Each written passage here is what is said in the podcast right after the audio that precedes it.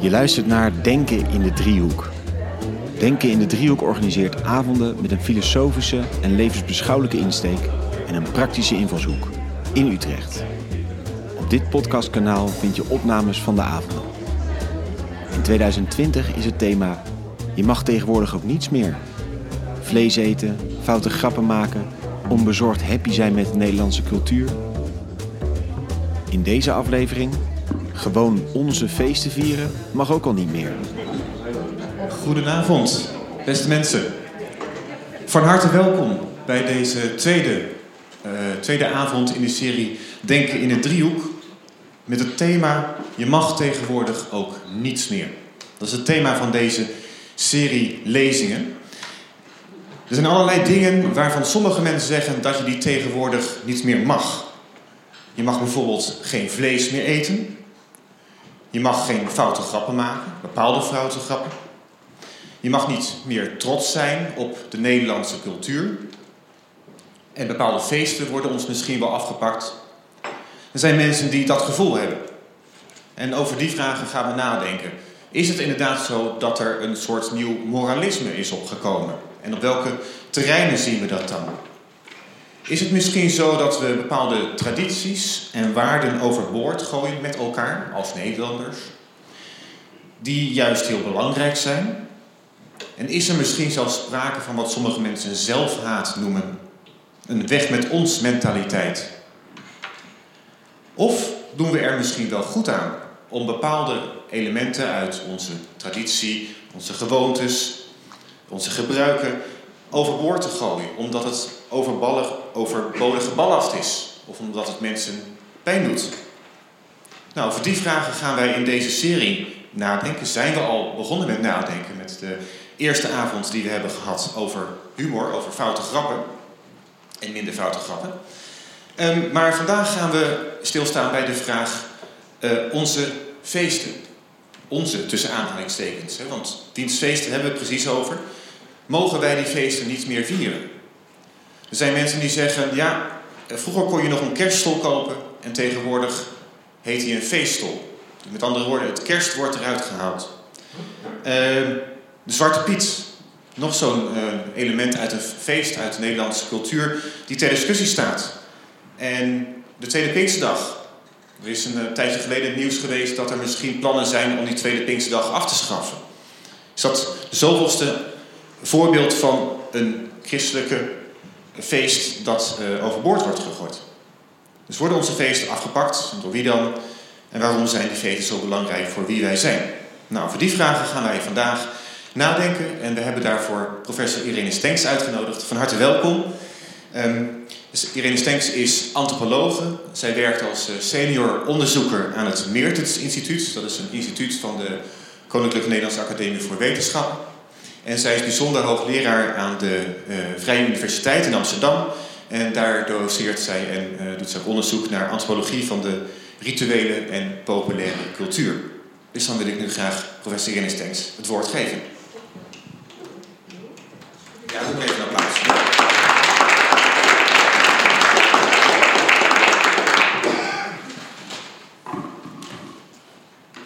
Zo, heel hartelijk dank voor deze uitnodiging. Ben ik zo goed verstaanbaar. Ja, heel fijn. Uh, nou, ik vind het heel erg leuk om uh, hier te zijn vanavond. Op een heel mooie plek trouwens. Uh, ik ga heel even iets vertellen over het onderzoek wat ik zo al doe. Dat geeft ook een beetje context, denk ik, uh, aan het feit dat ik hier sta vanavond. Behalve dan dat ritueel en populaire cultuur gaat eigenlijk wel zo'n beetje over alles in de wereld. Dus dat betreft. Goed, ik doe voornamelijk onderzoek in Nederland. Ik ben antropoloog van Nederland. En in Thailand. Dat zijn twee geheel verschillende gebieden op de wereld. Maar wat al dat onderzoek met elkaar in verbinding brengt, is dat ik eigenlijk kijk naar wat er gebeurt vanuit het perspectief van ritueel en populaire cultuur.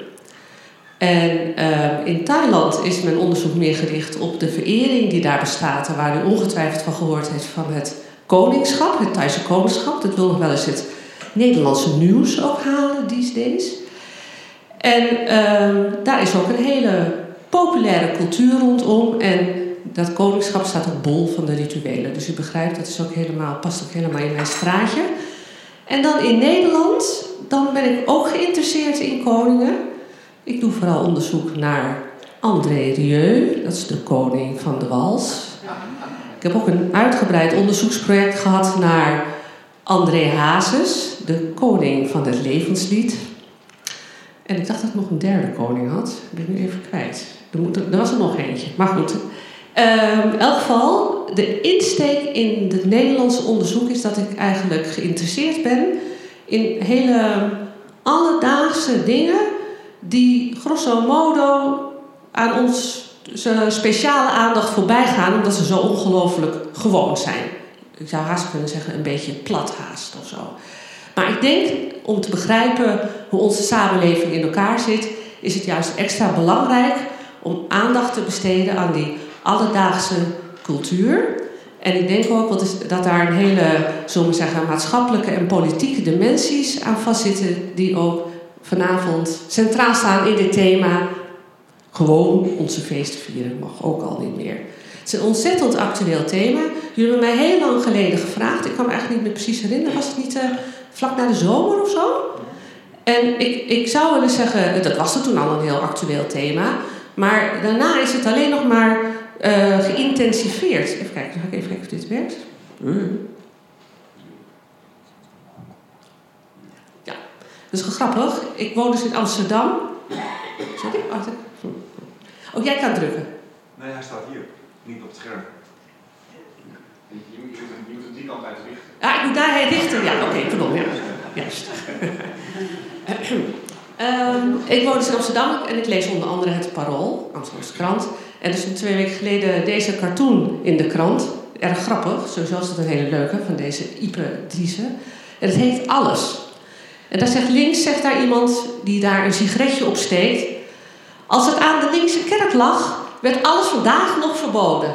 Roken, vuurwerk, vlees eten, vliegen, plastic tassen, autorijden, houtkachels, de Gouden Eeuw, de Gouden Koets. Alles willen ze verbieden. En zegt, uh, dus die Ipe zegt dan tegen zijn vriend daar... dat gezeik van die boomers zou ook verboden moeten worden. Liefst vandaag nog. Ik neem aan dat u het woord boomer meegekregen heeft. Dus uh, oké, okay. dus het is op zich een goede grap. Maar eigenlijk, uh, inderdaad, uh, zet hij het goed neer, het thema van deze avond.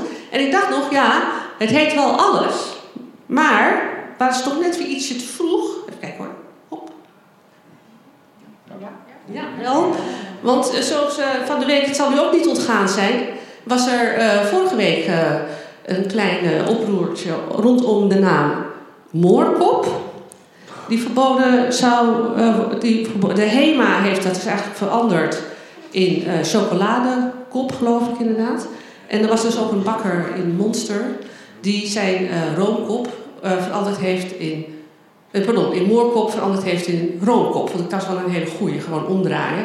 Wat dan wel weer grappig is, was dat, ik weet niet of u dat meegekregen heeft, het was een veganistische bakkerij. En in de, volgens de keuringsdienst van waren, of van degene die daarover gaat, mag er alleen maar iets roomkop heten als er ook echt room in zit. En dat zit niet in een veganistisch gebakje. Dus die naam ging ook, in elk geval gaat die door. Maar goed, um, dat is eigenlijk ook al een veel ouder thema. Want um, eigenlijk, dat was in 2007 volgens mij, is, eigenlijk de naam negerzoen afgeschaft. Hè? Dus daar, vandaar ook de mini-zoenen. Maar interessant genoeg heette die wel samba. Hè? Dat is ook niet zomaar een naam, willekeurig. En Albert Heijn heeft dat veranderd in negen, zo zitten een negen in zo'n pakje, zoete kussentjes. Dus dat zijn wel creatieve oplossingen. Je ziet dus eigenlijk is dat dus, gaat het al langer terug. Uh, dan hadden we natuurlijk ook nog, ik zit even gewoon nu tussen deze vandaag en de uitnodiging om hier te komen spreken. De, het verbod op de vreugdevuren in uh, Duindorp en Scheveningen. Nou, dat zijn inderdaad waanzinnige fenomenen die ook uh, dus wat strijd gevoerd. Ja, dus natuurlijk alledaags nieuws. En dat is dus inderdaad verboden. Want niet zo handig met. Ja. Oh, te snel nou weer. Ja. Pillenpap. Dan ga ik nou weer terug. Beetje. beetje een spoiler wordt het nou. Ja. Was dit de eerste? Ja, ik hoop zo. In elk geval, dat, dit is november. Kijk, dit is ook een heel interessant momentje. Dat is dat de Lidl heeft een um, feestfolder uitgebracht. Dat gebeurt elk jaar in het najaar. En in dit geval uh, was er ook weer een, uh, uh, ja, een beetje reuring over het feit dat de Lidl een feestfolder zou hebben uitgegeven. Jij noemde het al net maar. maar um, dus um, dat, was, dat haalde natuurlijk op allerlei manieren het nieuws. Dat is, zo gaat dat. En ik zou nu wel even dat filmpje willen laten zien. Want er is een filmpje kwam, ging viraal op dat moment. Dus dit soort dingen gaan ook heel snel. Waarin degene, een van de mensen die dus vindt dat de Lidl de uh, kerstdagen verzaakt. Um, dit, ja, kijken of dit werkt. Dit filmpje op internet zet. Wat een feest. Feest in het land. Ja, feest. Oh, feest, nog meer feest. Een hagelfeest. Levend feest. Feest voor je oog. Een echte feestneus. Goh, ik zou toch bijna denken dat het kerst was. Nee, het is feest. Feestkleding. Ja. Oké, okay. zo ja, is dat genoeg? Feestborrelen. Zo gaat hij dus de hele folder door. En ik moet terug naar de dia. Kijk, maar er zijn dus wel andere mensen die zeggen dat is helemaal niet waar. Dat is eigenlijk fake nieuws. Want die heeft dus in de. Dat staat dus dan ook op internet, maar dat gaat te ver om dat helemaal hier te laten zien. Elke keer het, waar het woord kerst staat, heeft hij omcirkeld om te laten zien dat de Lidl wel een kerstfolder had uitgebracht. Dus in die hele folder staat eigenlijk dan ongeveer 46 keer het woord kerst. En, uh, maar het laat zien eigenlijk al dat uh, degene die dat hier. Uh, dat die, die meneer die, dat dus, die we net hoorden spreken, die is dus absoluut geïrriteerd over het feit dat het niet genoeg kerst is in de Lidl-folder. En dat is een thema waar ik, het zo even, waar ik zo op terug ga komen.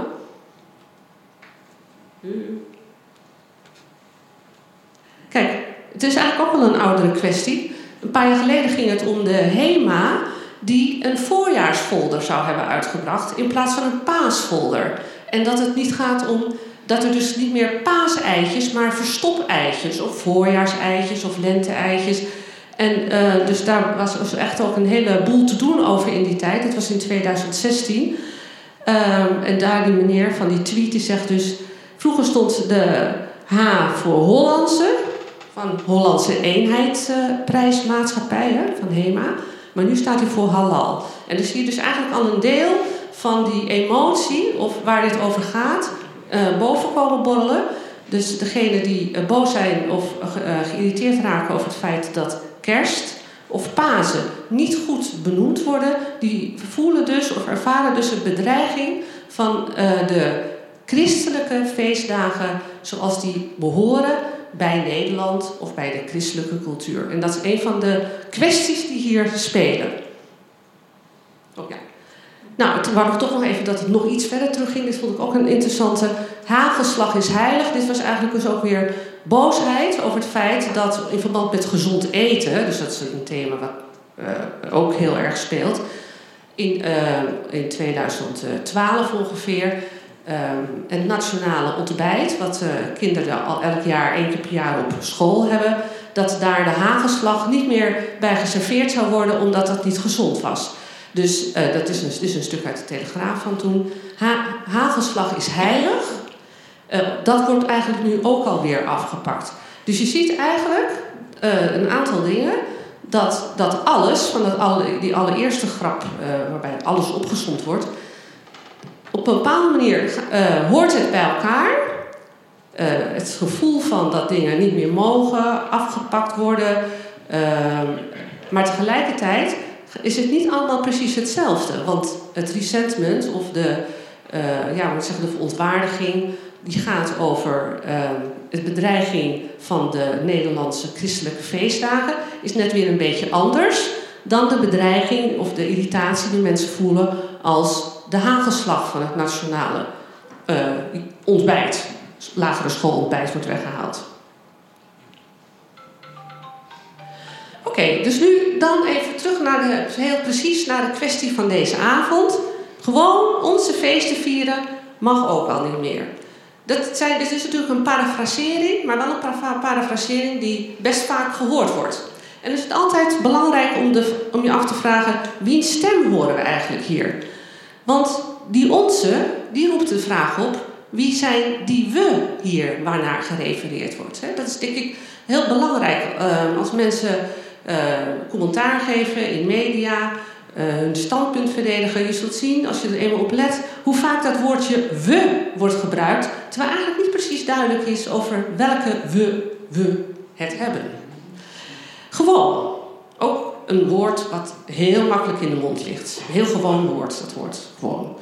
Want eigenlijk is het hier de vraag, de achterliggende vraag is: wat is wel gewoon, wat is niet gewoon en wie beslist daar nou eigenlijk over?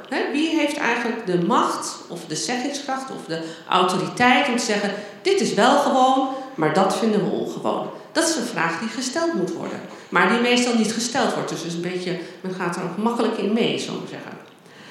En die laatste, dat laatste gedeelte mag ook al niet meer, is ook belangrijk, want dat verwijst dus eigenlijk naar de emoties die uh, hierbij een rol spelen. Het, en het gaat erom, zou ik zeggen, dat als we de Nederlandse samenleving, en dat geldt helemaal niet alleen voor de Nederlandse samenleving, maar het heeft wel een specifieke uitwerking hier. Uh, ik bedoel, in andere landen gaan ze niet heel boos worden over het afschaffen van hagelslag. Uh, dat, dat, we, dat we meer uh, goed moeten begrijpen, of eigenlijk onderzoek zou, zoek zouden moeten doen naar de, het belang van emoties in de hedendaagse 21e eeuwse samenleving. De, goed, samenvattend zou ik kunnen zeggen dat de aanname is dat in zo'n soort van frasering van mensen die verongelijkt zijn over het afschaffen, dan wel niet meer mogen vieren van feesten, dat er een homogeen en eensgezind we is, één soort mensen, uh, en die worden kennelijk bedreigd door anderen. En de vraag is dan eigenlijk, wie zijn die anderen en wanneer vindt die bedreiging plaats? Want het is niet zo dat we, ja, ik zo, de hele tijd op straat lopen met het gevoel van ik word bedreigd, ik word bedreigd. Dus het zijn altijd in specifieke contexten vindt dat plaats. Goed. Uh, er was een, uh, is een belangrijke hoogleraar uh, geschiedenis geweest. Ik weet niet of u die kent, maar dat is uh, Ernst Kosman. En dat, was, dat is iemand die onderzoek heeft gedaan naar de Nederlandse geschiedenis en ook eigenlijk naar ideeën over Nederlandsheid en wat Nederland ja, tot één natie maakt. En die kreeg ook altijd de vraag van, maar wat zit het eigenlijk met die Nederlandse identiteit? Want een heleboel van die sentimenten waar ik het over had, die gaan dus eigenlijk over het idee van dat de Nederlandse identiteit op een bepaalde manier onder druk staat, bedreigd wordt. En hij heeft daarover gezegd, en dat is een fantastische manier om het uit te drukken, loop er liever met aandacht omheen als het gaat om de identiteit. identiteit. Bekijk het van alle kanten, maar stap er niet in. Behandel het kortom als een enorme kwal op het strand. Nou, dat is heel beeldend. We kennen dat beeld wel van die kwal op het strand. Je wil er zeker niet instappen. Het is dus, zullen we maar zeggen, een ongrijpbaar, glibberig onderwerp dat zich heel lastig laat vangen. Het heel erg moeilijk om te bedenken wat de Nederlandse identiteit zou zijn als die al zou bestaan. Maar dus kennelijk is er wel een soort van gevoel daarover en ook een gevoel van dat het belangrijk is. En ik denk dat het die, dit wat Kostman hierover zegt, dat je dat ook kan bedenken als het gaat over uh, regionale identiteit of lokale identiteit. Dat is altijd, uh, daar, daar, spelen dezelfde, dezelfde ingewikkeldheden, zou ik maar zeggen. Oké, dus het is een beetje even een, klein uitlegje nog. Oh, dat wil ik helemaal niet. Ja. ten eigen wijze. Oké. Uh, culturele identiteit, nationale identiteit, regionale identiteit. Het is iets wat in zijn algemeenheid heel belangrijk wordt, gevonden. En het is een woord wat je zou kunnen zeggen, een woord met een hoera-dimensie. Hetzelfde soort van woord als het woord gemeenschap. Want het is goed om met z'n allen in een gemeenschap te zijn. Of traditie. Dat wordt dus ook een hoera-woord. Iedereen wordt blij bij het woord gemeenschap, traditie, identiteit. Dat is eigenlijk waar um, geen vraag over worden gesteld in zijn algemeenheid. Het is een hele politiek die daarop gericht is. Er zijn uh, allemaal positieve associaties. Dus ik heb er een paar opgeschreven. Dat namelijk het puur is, of de essentie, authentiek. Dat er een continuïteit is die allemaal mensen met elkaar verbindt. Dat er een coherentie is en ook weer dat het homogeen is. Maar dat roept wel een vraag op. Hoe zit het met de boel-dimensie? Dus de hoera-dimensie, maar er zit ook een boel-dimensie. Die wordt eigenlijk door die hoera-dimensie een beetje weggedrukt. Want als er uh, gevoelens zijn van mensen die allemaal bij elkaar horen, betekent dat dat mensen die daar niet aan voldoen, of een beetje anders zijn, of dingen anders bekijken, die worden uitgesloten. Dus die insluiting die in die culturele identiteit en in die gemeenschapsideeën zitten, die hebben altijd ook een, een element van uitsluiting. Het kan niet anders. Ook al is het nog zo goed bedoeld. En dan zijn er eigenlijk, zou je kunnen zeggen, op die homogene we, of degene die de identiteit dragen, zijn dan twee stereotype perspectieven. Er is er vaak één van buitenaf. Dat is eigenlijk hoe mensen van buiten kijken naar een bepaalde groep of natie of samenleving en zeggen: zo zijn die mensen. En dan is er ook een soort van zelfgevoel, een nationaal zelfgevoel van mensen die zeggen: zo zijn wij. He, dus als het gaat om Nederland, dan wat Nederlanders tot echte Nederlanders maakt. En uh, dan ook daarom vanzelfsprekend dat we allemaal met elkaar verbonden zijn. Nou, ik heb een klein voorbeeld hiervan, dat vond ik gewoon heel grappig. Uh, dat heb ik gefotografeerd op het scheepvaart, uh, in het Scheepvaartmuseum in Amsterdam. Daar hebben ze een stukje over de VOC. Dat is heel interessant ook voor de antropoloog. Kijk, dus daar, dat is de VOC, dat is dus zoals u begrijpt in scène gezet. De Engelse ambassadeur die op reis naar Nederland om handel te, te, uh, te plegen, hoe heet dat? Uh, zegt tegen iemand van... Iedereen weet dat Nederlanders dol zijn op geld. He, dat is echt zo'n stereotype op Nederland. Een handelsnatie, geld en alles en zo. En dan, nooit eerder was een land dat zoveel handelde en zo weinig gebruikte. Dus, het interessante is, dus is zo'n museum, en dat is eigenlijk een vorm van populaire cultuur, wordt een soort van toneelstukje gefilmd voor uh, ja, voor schoolkinderen, voor allemaal bezoekers uit het buitenland. Dus ze zien allemaal dat stereotype zoals het in de wereld rondvaart, wordt hier neergezet. En dan kan je denken, ja, dat is een grapje, misschien is het zo. Maar het is altijd een beetje van, ja, misschien wordt er ook wel echt zo gedacht over dat alle Nederlanders uh, zo zijn. En dan is de vraag natuurlijk, geldt dat ook bijvoorbeeld dan voor de mensen die uh, uh, later naar Nederland zijn gekomen? Oké. Um, nu is er dus iets bijzonders. Eigenlijk zou je kunnen zeggen, die stereotypering en dat bestaat eigenlijk altijd wel. Maar er is iets bijzonders aan de hand op dit moment. En dat is namelijk dat in toenemende mate feesten en rituelen de basis vormen voor culturele, dan wel nationale, dan wel regionale identiteit. Dat wordt dus steeds belangrijker gevonden. Vandaar ook dat we dus die hele controversies daarover hebben. He, er zit dus eigenlijk alles in. Idee van traditie, echtheid of authenticiteit, dat zit in de rituelen. En ook heel belangrijk voor deze tijd te begrijpen, immaterieel erfgoed. Heel veel feesten en rituelen, die worden niet zozeer alleen maar als cultuur beschouwd, maar er gaat eigenlijk nog een beetje een, een, een hoe zeggen, het gaat er een klein trapje, dingetje bij op. Het is eigenlijk ook erfgoed. Het erfgoed van een bepaalde gemeenschap of groep. En daarmee zit, daar zitten een aantal andere dingen aan vastgeplakt. Namelijk het idee dat cultuur is iets wat een bepaalde groep bezit. het is van een bepaalde groep. Dus bijvoorbeeld de mensen die vinden dat ze, uh, de, binnen de Sinterklaasviering de Zwarte Piet behouden moet worden. Die zeggen die, is, die Zwarte Piet is van Nederland, van ons. Die laten we ons niet afpakken.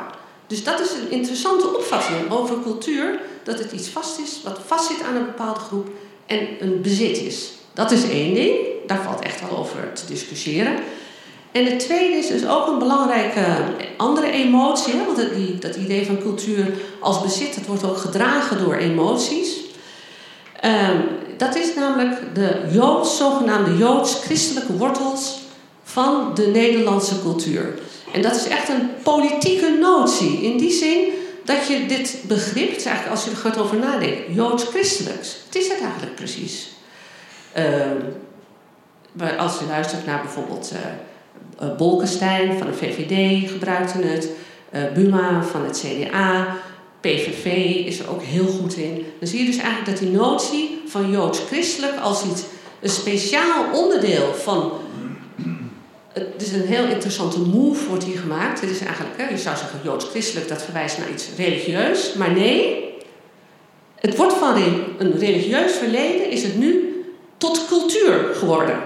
Het is, hè, al die mensen die niet naar de kerk gaan, die dragen wel uh, die joods-christelijke cultuur met zich mee in deze opvatting.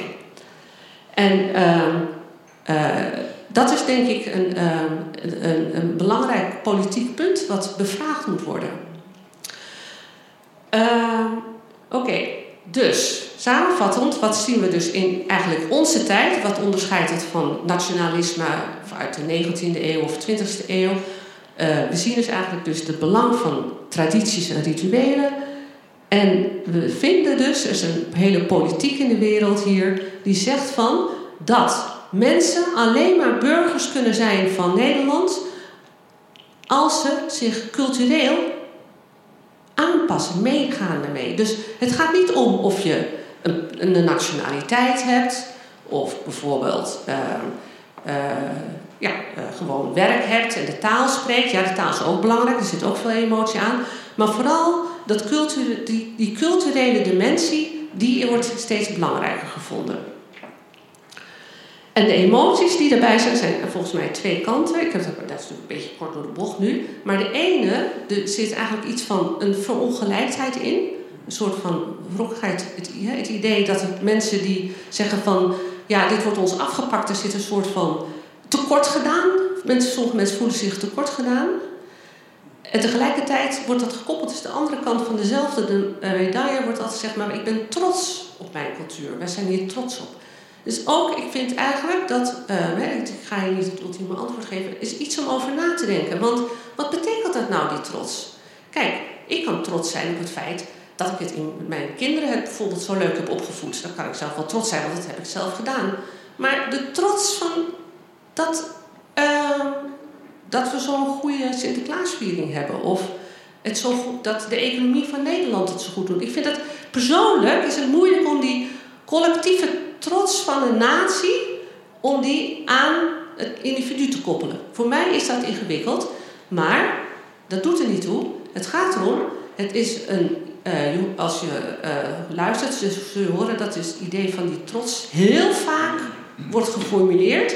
En dat het morele raamwerk zodanig is dat je niet kan zeggen van, nou dat is eigenlijk een beetje onzin. Wat bent u niet trots op Nederland? Dus het is ook een heel gevoelig onderwerp. En die emotie van trots en van verongelijkheid, ongeacht wat ik ervan vind of we ervan vinden, die moeten we bevragen, moeten we onderzoeken waar komt dat vandaan? Waarom is dat zo belangrijk?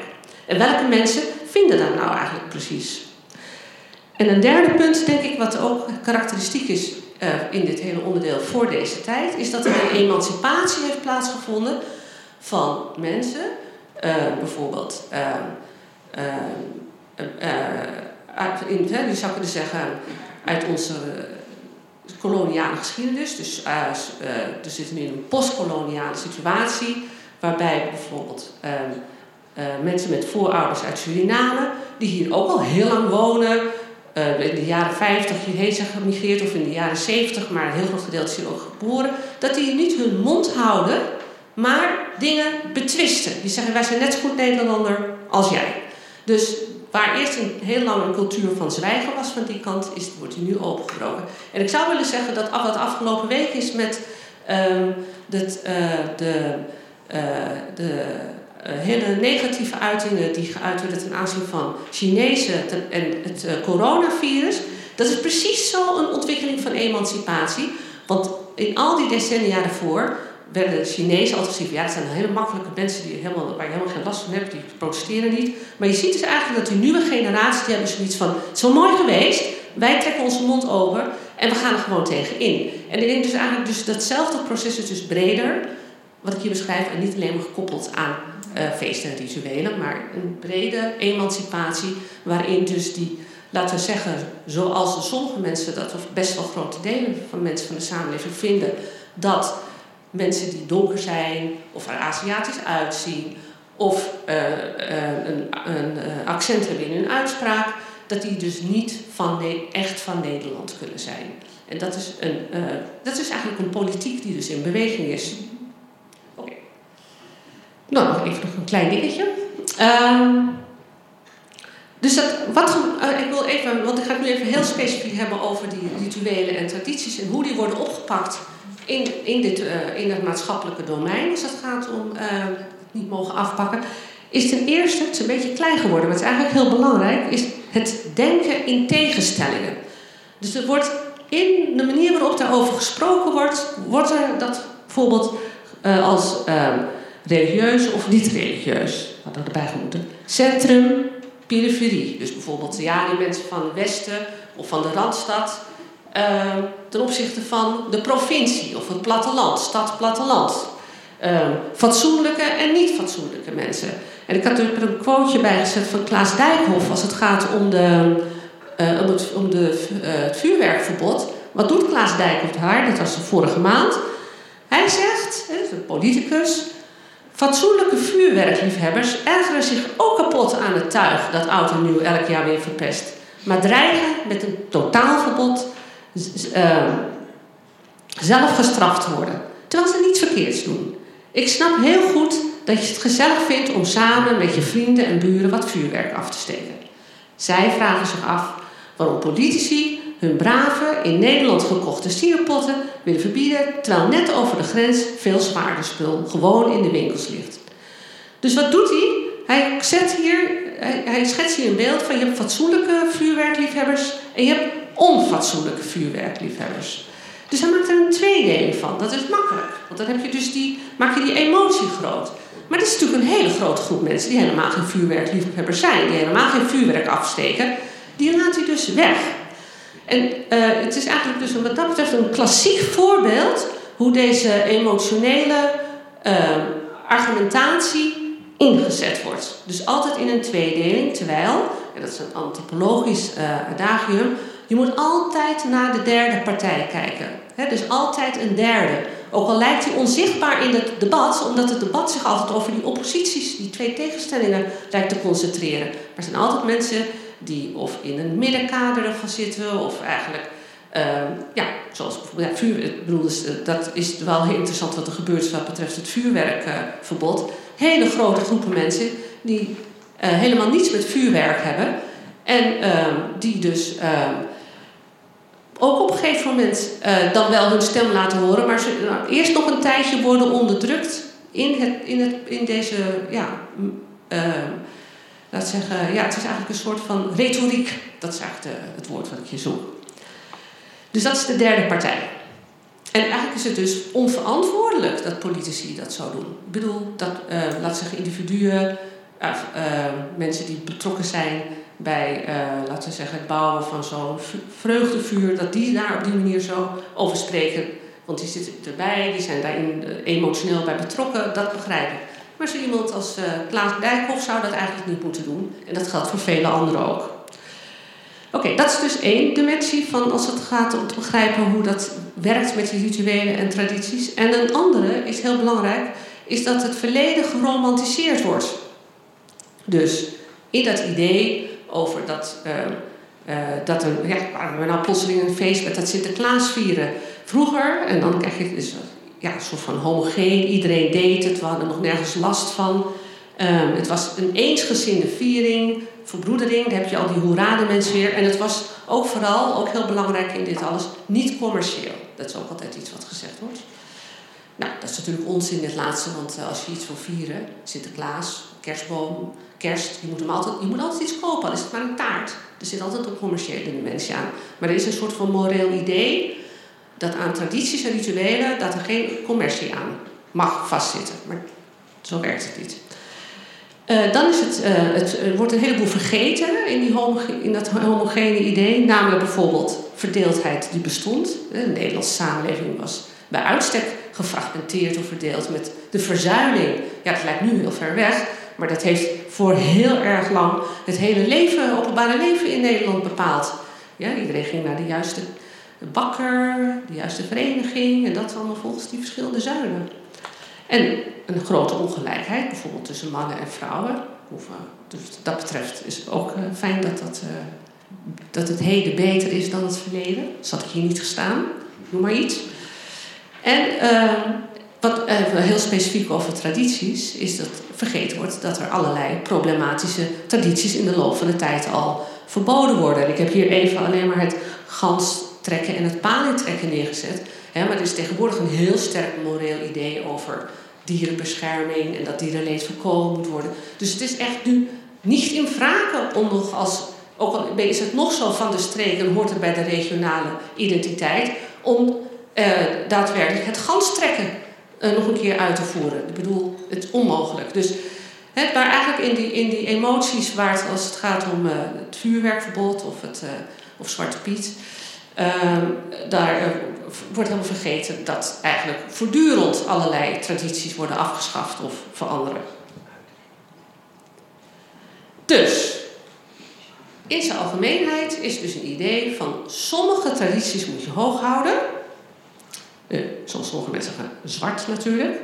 Maar de vraag is eigenlijk altijd welke tradities moet je hoog houden en waarom. En dit is eigenlijk een hele beweging, in, niet alleen in Nederland, maar in de wereld waarin cultuur erfgoed wordt. En dat gaat eigenlijk om een politiek van erkenning. Het zijn erkenning in het openbare domein. Ik heb het hier dus even op het. Uh, het interessante is, ik heb gekeken naar het KIEM, het Kenniscentrum voor Immaterieel Erfgoed. We gaan maar niet naar dat site toe, dat hoeft niet.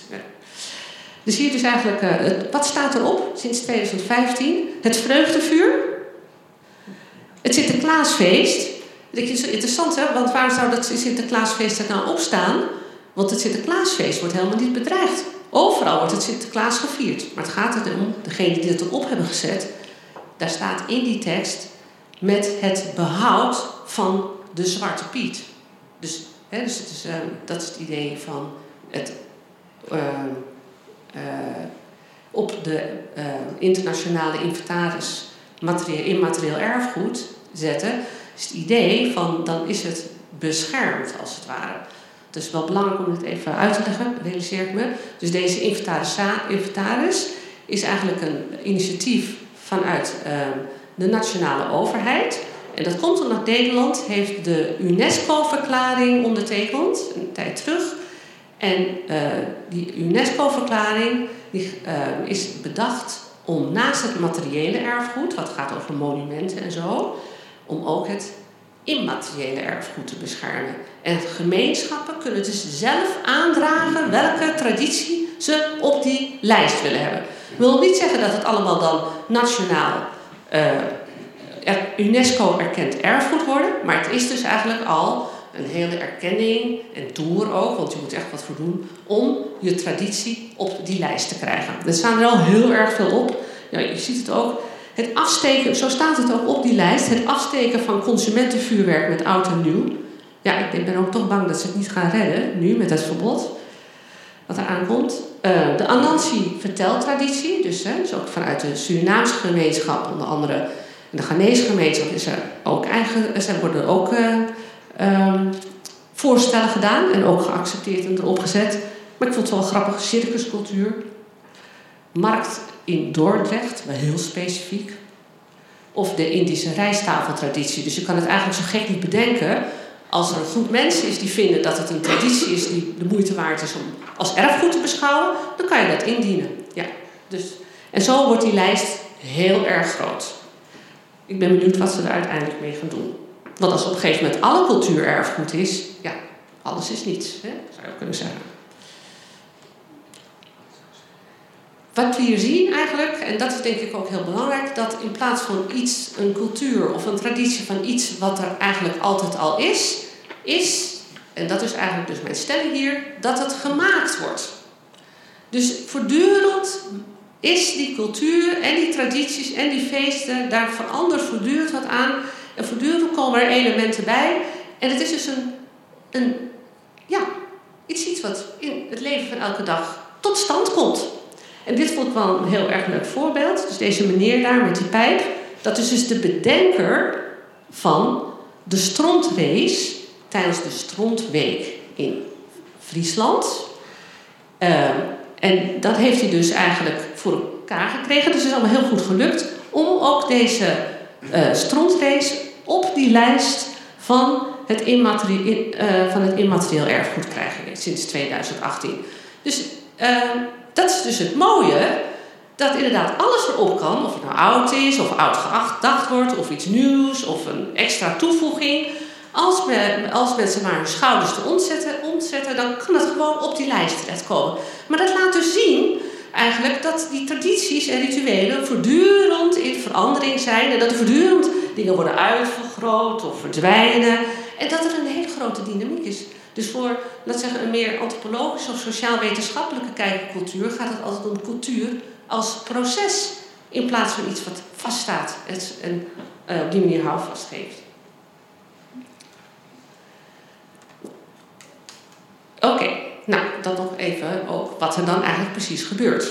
Want ik had het er straks al over, uh, die, dat uh, hagelslag is heilig, hadden we gezien. Dat vond ik zelf ook interessant, omdat ik uh, die heiligheid, ja, heilig wil ik even dus buiten de religieuze context trekken, die gaat eigenlijk om een proces van heilig maken of sacralisering, die niet specifiek religieus is, maar iets, een gebied iets plaatsen waardoor een bepaald, bepaalde plek of een object of een bepaald ritueel een extra waarde toegekend krijgt. En die extra waarde is dus die erfgoedwaarde.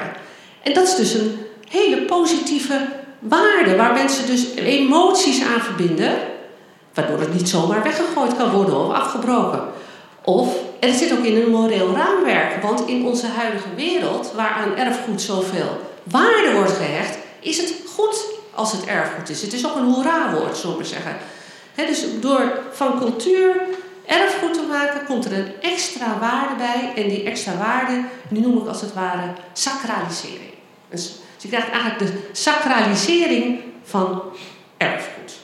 En dat is natuurlijk interessant. En daar heb ik eigenlijk ook nog een specifiek uh, onderzoeksproject naar. Dat is van ander, het gaat niet over koningen zozeer. Uh, dat is de vraag ook wanneer wordt religie erfgoed? Dat is, ook, dat is natuurlijk ook een proces. Want wij zitten ja, ik heb het al bijgezet, uh, de discussie over leegstaande kerken. Nou, de plek waar wij zitten is dus exemplarisch ook. Ik hoorde net even nog dat eerst het idee was, een tijd terug, uh, nou, ik weet het, iemand zei het net, maar om hem ooit af te breken, deze schuilkerk, maar dat hij toch gered heeft en dat hij nu dienst doet als een zaal voor allerlei bijeenkomsten, zoals deze culturele bijeenkomsten en anders. Dus, en je ziet, uh, dat is dus een hele grote kwestie. Ik weet, er was. Uh, eergisteren nog een programma, dacht ik, op de televisie. Dat ging over um, het vinden van een goede bestemming van een kerk in Friesland. Heeft iemand van jullie dat gezien? Was heel, heel interessant. Er waren dus drie uh, uh, mensen met, met een team. En die moesten alle drie een voorstel doen om iets met die kerk te doen. Want die kerk die werd eigenlijk niet meer gebruikt voor de diensten. Want er uh, waren niet genoeg mensen hè, in, de, in deze ontkerkelijke, ontkerkelijke samenleving. Zijn er dus niet genoeg mensen om al die kerken te vullen. Maar die kerken staan daar wel. En dan is het ook zo dat voor veel mensen is zo'n kerk eigenlijk erfgoed. Het is een mooie plek waar ze ook herinneringen aan hebben. Het is markant, het doet iets in het landschap. Dus die religieuze dimensie is voor veel mensen niet zozeer belangrijk. Maar wel het gebouw en het heeft dus een extra waarde, die erfgoedwaarde. En zo zie je dus eigenlijk hoe religie vererfgoediseerd wordt en uh, erfgoed gesacraliseerd. Een heel interessant en ook ingewikkeld proces wat zich op allerlei niveaus, op allerlei manieren in onze samenleving afspeelt. Ik heb nog even trouwens erbij gezet welke uh, religie-rituelen uh, op die lijst, op die inventaris van het immaterieel erfgoed staat. Dat is bijvoorbeeld ook de heilige bloedprocessie uit Bokstel, onder andere. De passiespelen in Tegelen. En dan vond ik ook een prachtige, het bovenstem zingen bij psalmen in Genemuiden. Ik vind het ook ontroerend dat mensen inderdaad zoveel van hun dingen houden. Dat ze denken, ja, dat moet... Kijk, die mensen doen dat. Dus het bestaat, het is een actieve, actief ritueel. Maar eigenlijk moet de wereld het ook kennen. En dat is natuurlijk ook waarom ik zeg, het is ook een soort van erkenning. Een soort uh, uh, presentatie van je bestaan als groep, of als gemeenschap, of als kerk, of als uh, vereniging, I don't aan de buitenwereld. Oké, nou die kwestie van wanneer wordt religie erfgoed, ik wou toch maar even terugkomen op mijn hele alledaagse, of althans lage cultuurachtige dingen. Ik heb een, uh, uh, onder andere met een aantal collega's een onderzoeksproject. En dat heet, uh, ja, het heeft eigenlijk een Engelse titel, het heet The Dutch Passion for the Passion. En het richt zich op de manieren waarop de Matthäus Passion, maar ook dus de passiespelen van Tegelen, die we zagen, die staan al op die erfgoedlijst. En de Passion, die binnenkort ook, waar we nu alweer veel over gehoord hebben, hoe die dus eigenlijk ook op een bepaalde manier tot erfgoed worden verheven. En dan denkt u misschien, nou ja, dit is nog geen erfgoed. En dit is eigenlijk, ik heb uh, twee foto's bij gedaan. Ik heb veldwerk gedaan, onder andere in uh, uh, Amsterdam Zuidoost. Dat was dus twee jaar geleden. En dan zie je dus eigenlijk, ja, ik weet, wie van u kijkt daarnaar eigenlijk, naar de, de Passion? Ja, kijk, dus u, u, heeft het, dus u herkent het, hoe moet ik zeggen, die, die, het podium, zullen we zeggen. De, ja. En daar zie je dus op een gegeven moment, zie je ook die, ja, dat is aan het eind. Ze tonen niet de kruisiging van Jezus, maar bijvoorbeeld wel zo'n beeld van de voet met een uh, spijker er doorheen. En dan is op een gegeven moment, en dan het, een belangrijk onderdeel, een heel belangrijk onderdeel, ook voor, wat ook een heel sterk effect heeft, is dus dat dragen van dat grote lichtgevende kruis naar uh, de, dat uh, podium, hè, waar op een gegeven moment dan alles samenkomt op het eind. En met name dus dat kruis, dat vind ik dus zelf ook heel interessant. Dat heeft een enorme aantrekkingskracht voor de mensen die graag naar de Passion kijken of die daar naartoe gaan. Er zijn mensen die vanuit allerlei persoonlijke redenen, het kan religieus zijn, maar ook uh, iets heel anders, uh, wat meer te maken heeft met bijvoorbeeld persoonlijk leed. Graag meelopen met die tocht, met dat kruis. Dus dat heb ik ook een paar keer gedaan. En dan staat dat daar en ik zeggen, u zegt, maar dan is het natuurlijk toch nog geen erfgoed. Maar dat is wel, toch, toch wel een beetje het geval. Kijk maar. Oh, is nog even hoe dat eruit ziet. Het is trouwens uh, best zwaar, want er zit accu's in. Dat is 180 kilo of zoiets. Uh, kijk, dus in, wat hebben ze gedaan in Amsterdam Zuidoost? Daar heb je Imagine IC. Dat is eigenlijk ook een soort van erfgoedorganisatie in Amsterdam Zuidoost. En die hebben gezegd van Um, ja, daar ziet u de mini-versie van het kruis. Uh, samen stonden wij stil bij vragen als: wat maakt dit kruis in jou, bij jou los? Welk verhaal vertelt het ons samen? Willen we het als erfgoed bewaren en presenteren in het buurtarchief van Imagine IC? En het antwoord was een bijna volmondig ja.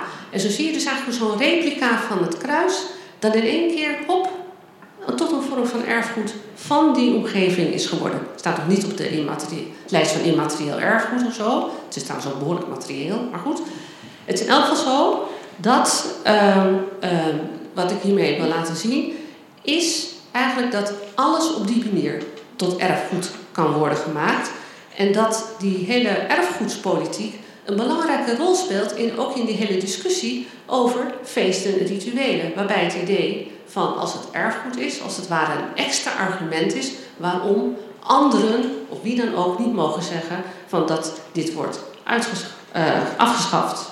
Kijken wat we Ja. En. Ja, ik ben, ik ben eigenlijk al ongeveer aan het eind. Ja, ik wou hier toch nog even met uh, een, uh, het is ook een hele scherpe opmerking van Fokker en Sukker. Die zitten dus om terug te komen bij die rituelen, even de, de flipside van deze, manier van denken. Uh, deze mensen hebben dus, Flip Fokken zitten daar en hebben geen kerstboom, hè, want het gaat nu de hele tijd over uh,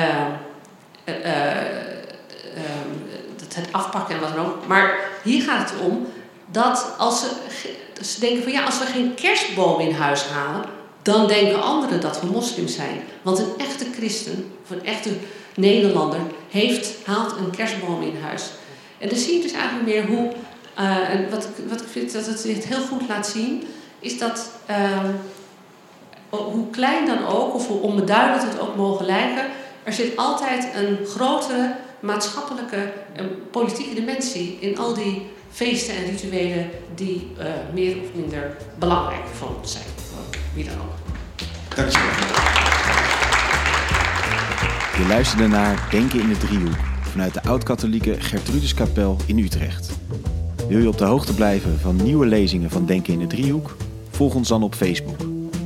Wil je op de hoogte blijven van nieuwe podcastafleveringen? Abonneer je dan in je podcast-app. Dank voor het luisteren.